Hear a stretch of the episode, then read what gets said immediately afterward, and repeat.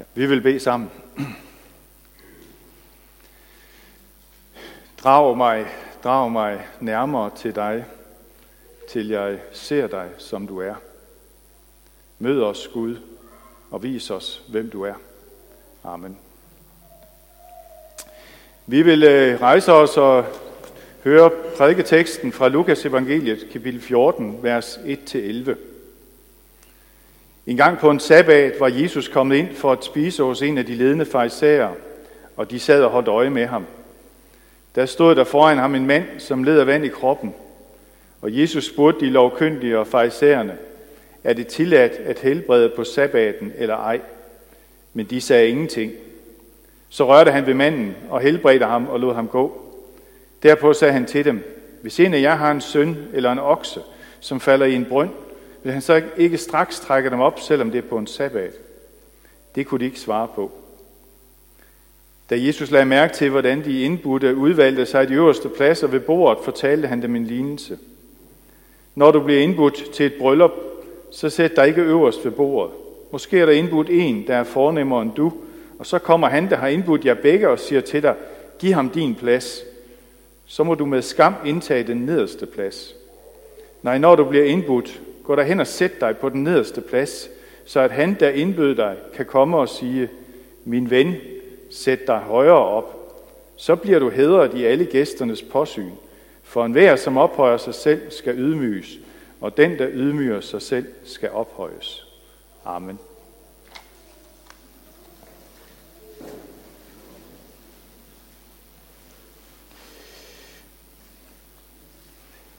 Kære menighed, jeg har glædet mig til at være jeres præst igen. Og øh, jeg har også glædet mig til at sige det her til jer, som jeg skal sige nu.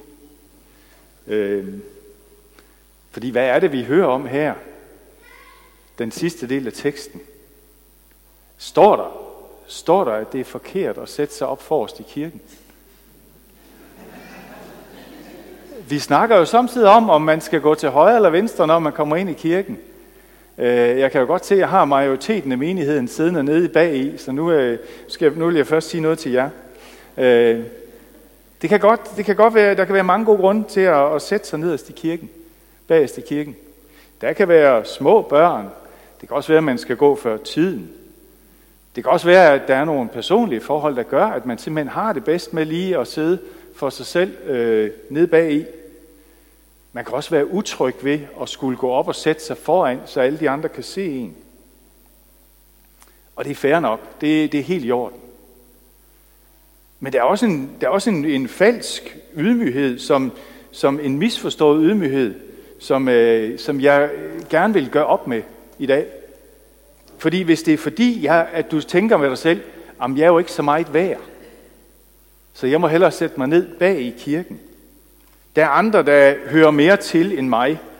Øh, og I kan jo selv høre, hvad Jesus han siger i teksten her, at jeg skal ikke sætte mig op foran.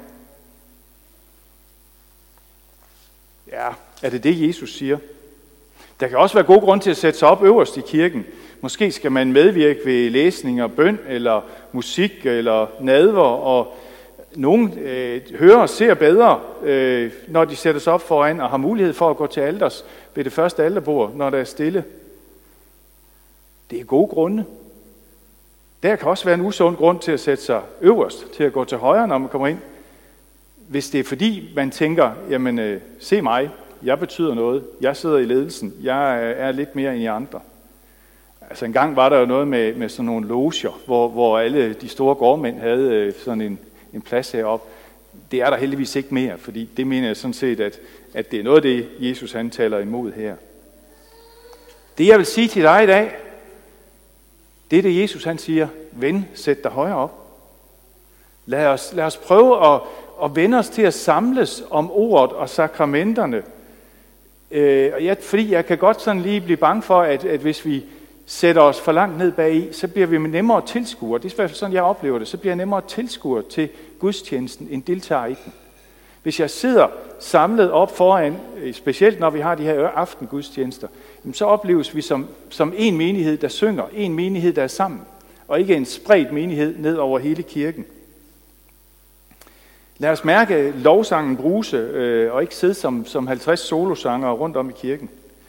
Så, så min udfordring, og det er bare lige en parentes her ved indledningen, det er bare lige, øh, prøv fra næste gang, vi har gudstjeneste, og sæt dig en række højere op og se, hvad der sker. Og så kan det jo være, at vi samles herop foran øh, til sidst. Jeg tror, at Thomas og Susanne osv. vil sætte enorm pris på det. Tom, ja, Kasper, det var ikke nu. Øh. Nej. Øh, ja. Jeg tror, jeg tror, det vi skal lære af, af det her, som Jesus han siger, det er, at der er et mål for alting. Og det mål, det er at gøre godt. Det går galt, hvis vi er mere optaget af, hvad de andre tænker om mig, end hvis, øh, end hvis du er optaget af, hvad der er godt for dig selv og for det fællesskab, du er en del af. Men øh, ja, det var bare en anledning til lige at sige det. Øh, og så handler det jo egentlig, når vi læser teksten, som Jesus her øh, udfordrer farisæerne på, så handler det rigtig meget om, om det der med at have de rigtige meninger. Og så er der noget, der råber til øh, omverdenen om, at det kan godt være, at man har den rigtige teologi, de rigtige meninger, men det liv, man lever, det, det strider imod. Og det kan en lille del, som det der med, hvor man sætter sig hen i kirken, kan også have, have betydning for det. Men øh, vi skal leve ret, både med læren og livet, fordi, øh, nej, du skal lige være sikker på, at jeg kommer det rigtige sted hen.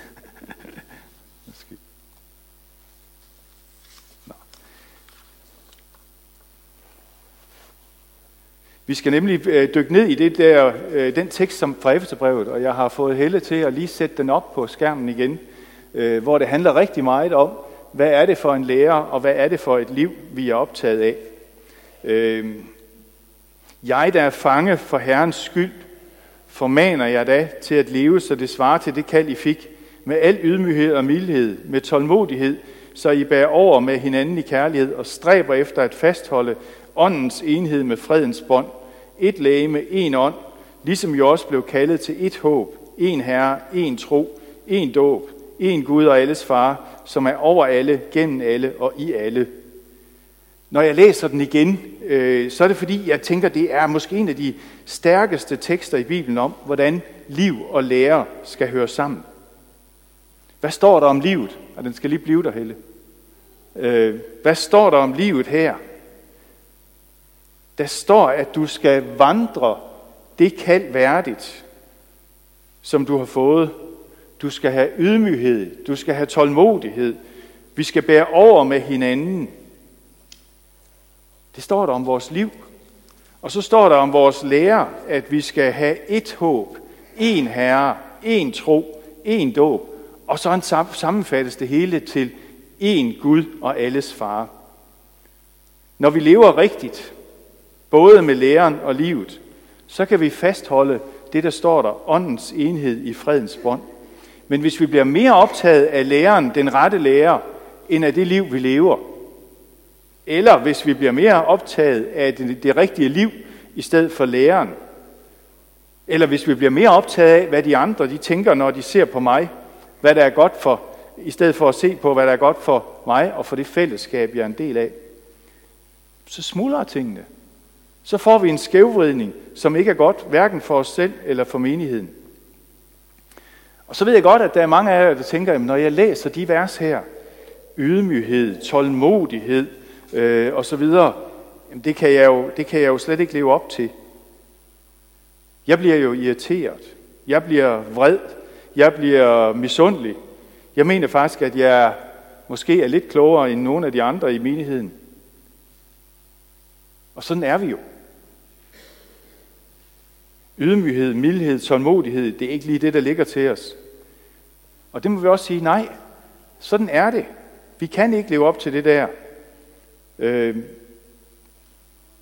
når vi kigger på os selv, så går det galt. Vi var til gudstjeneste i formiddags i Horsens, fordi vores barnebarn skulle døbes. Øh, og præsten der, som jeg kender godt, øh, brugte et billede, øh, hvor, han, hvor han ligesom sagde, jamen, øh, det, der sker, det er, at, at vi, vi holder et spejl op foran os. Men der er mange revner i det spejl. Der er mange revner og urenheder i det spejl. Det vil sige, at det vi ser igen, det er, øh, det er noget, ja, som ikke er fuldkomment. Som i hvert fald ikke øh, er, som det skulle være. Det, der sker, når vi læser Guds ord, når vi går i kirke, når vi øh, er optaget af, hvad det er, Gud han vil med vores liv, det er, at de der revner, de bliver helet. Vi får ikke det fulde spejl før i evigheden. Men der sker noget, der sker noget i den proces, når vi ønsker at leve Gud nær, når vi ønsker at leve det liv, som Gud han har kaldt os til. Og det er, at de der revner, de kan hele, så vi ser lidt mere af, hvad det er for en, et menneske, Gud han ønsker, jeg skal være.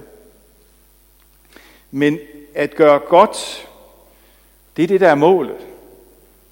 Det skal vi gøre, samtidig med, at vi skal være klar over og bevidst om, at vi lever i syndens og dødens verden. Vi skal være bevidst om vores fejl og mangler, og vi skal bede om tilgivelse for den dagligt. Men samtidig skal vi altså stræbe efter at gøre, gøre godt til alle tider. Og når, vi, når jeg siger det, øh, så er det også vigtigt at sige, at, at øh, når det så ikke lykkes, jamen, så tror jeg jo på, at Jesu død gælder for den enkelte af os. Uanset om vi synes, vi er værre end de fariserer, vi hørte om i teksten, eller alle de andre, der sidder her i kirken. Det er faktisk derfor, vi mødes her søndag efter søndag. Det er for at møde Guds kærlighed i ordet og i sakramenterne, så vi igen kan gå ud i hverdagen og gøre godt.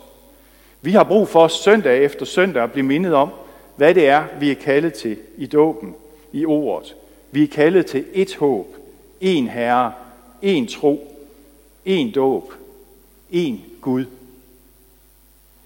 Og Helle, så skal vi lige have skiftet. Fordi en Gud, det er altså Bibelens Gud. Det er altså ham, der er vores Herre. Og det kan jeg godt sige til jer, der sidder her, og så tænker jeg, kan jeg tænke, jamen det ved I jo godt. Øh, hvem er min Gud? Anne-Marie, hun har siddet og forberedt noget, lavet noget om øh, mediebrug og medier. Og øh, så råber hun ind fra kontoret her en gang, i, fra, det, fra sit kontor til mig en gang her i ugen. Øh, ved du godt, at alle voksne, nej, alle danskere i gennemsnit bruger 7 timer og 10 minutter på forskellige medier om dagen. 7 timer og 10 minutter om dagen. Og så snakker vi nok både fjernsyn og video og PC'er og telefon og hvad vi har. Men 7 timer og 10 minutter hver dag, hvor vi er på en eller anden form for medie. I gennemsnit for alle danskere. Det er altså voldsomt. Kan du finde? Jeg har lige set, øh, set, hvad det er, der sker med os. I hvert fald en udlægning af, hvad det er, der sker med os der. Fordi det er derfor, jeg faktisk tager det op igen og siger, jamen en Gud, hvad betyder det? Øh, fordi hvis vi øh, kigger lidt på, på Google, øh, så har Google en vision, og det er at organisere al verdens information og gøre den tilgængelig og brugbar for alle. Altså, de vil simpelthen samle alt, hvad der findes af information i verden. Alle de mennesker, der går på skærme øh, på den ene eller den anden måde, afleverer information til Google. Den vil de så øh, bruge. Vi skifter. Øh, fordi Google, det betyder faktisk uendelig. Nu står der en hel masse tal der, det behøver ikke gå så meget op i. Men, men øh, Google, det betyder 10 i 100. Og det er altså flere end der er atomer i universet. Så Google betyder simpelthen uendeligt, uendeligt meget viden, uendelig mange ting ligger, øh, ønsker Google at samle. Og så skifter vi igen, fordi så møder vi lige en af Googles grundlæggere, Ray Kurzweil. Øh, jeg skal lige trykke en gang til. Øh, han siger nemlig, at vi bevæger os eksponentielt, og det vil sige den vej, meget stejlt opad, uden grænse, i retning af at have højere niveauer af de kvaliteter, vi tillægger Gud. Googles mål er simpelthen, at vi fælles, den viden, vi har til sammen, alle os mennesker, den skal samles og lægges i skyen. Og så skal den faktisk blive til, at vi har en fælles viden, som overstiger Guds magt og Guds viden. Det er altså alvorlige sager. Det er det, det er det, der er målet med det, vi har i lommen, og det, vi ser på, osv. Og hvad kan vi gøre ved det? Ikke en ting. Det, det siger jeg ikke vel. Altså, men jeg siger bare, en eller anden bevidsthed skal vi have om det. At der er nogle mennesker, der tænker, at vi kan blive til små guder, hvis, vi, hvis Google får lov til at gøre med os, hvad de vil. Så bliver vi til små guder, hvor al, al information i hele verden bliver samlet, og så bliver vi klogere end Gud. Og så skal vi lige have den sidste, Helle. Så har jeg lyst til at fortælle jer en anden historie. Den står i 1. Korinther 15. Lad mig fortælle jer en åbenbaring, jeg har fået om, hvad der vil ske, når den sidste trompet lyder, siger Paulus. Og Jesus kommer igen. Vi skal ikke alle sove ind, men alle vil få et nyt læme. Det vil ske i et nu, i et øjeblik. Når trompeten lyder, vil alle de døde kristne opstå med nye uforgængelige læmer, og vi andre, som stadig lever, vil blive totalt forvandlet. Derfor, mine elskede venner, stå urokkeligt fast og gør altid jeres yderste tjeneste i Herren. I ved jo, at jeres arbejde for ham ikke er forgæves. Derfor, mine venner, stå urokkeligt fast. Der findes én Gud, som kan give dig evigt liv, og det er ikke Google. Og gør, gør altid jeres yderste i tjenesten. Husk at gøre godt. Vælg det, der gør, der gør godt for alle, for dig selv og for det fællesskab, som du er en del af. I ved jo, at jeres arbejde for ham ikke er forgæves. Husk på, hvem der er din Gud, og hvad der er målet for dit liv. Og gå, ud, gå så ud og gør godt. Amen. Far i himlen, tak fordi du er vores Gud, og tak fordi du er den eneste Gud. Tak fordi du har magt over himmel og jord, over hver enkelt menneskes liv. Tak fordi, at vi må se frem til i troen på dig og opleve en salig død og opstandelse. Far, det er du den eneste, der kan give. Derfor ønsker vi at følge dig, være for dig i vores dagligdag, virke for dig. Herre, at vi må få lov til at opleve den salighed sammen med dig. Takker vi dig for i Jesu navn. Amen.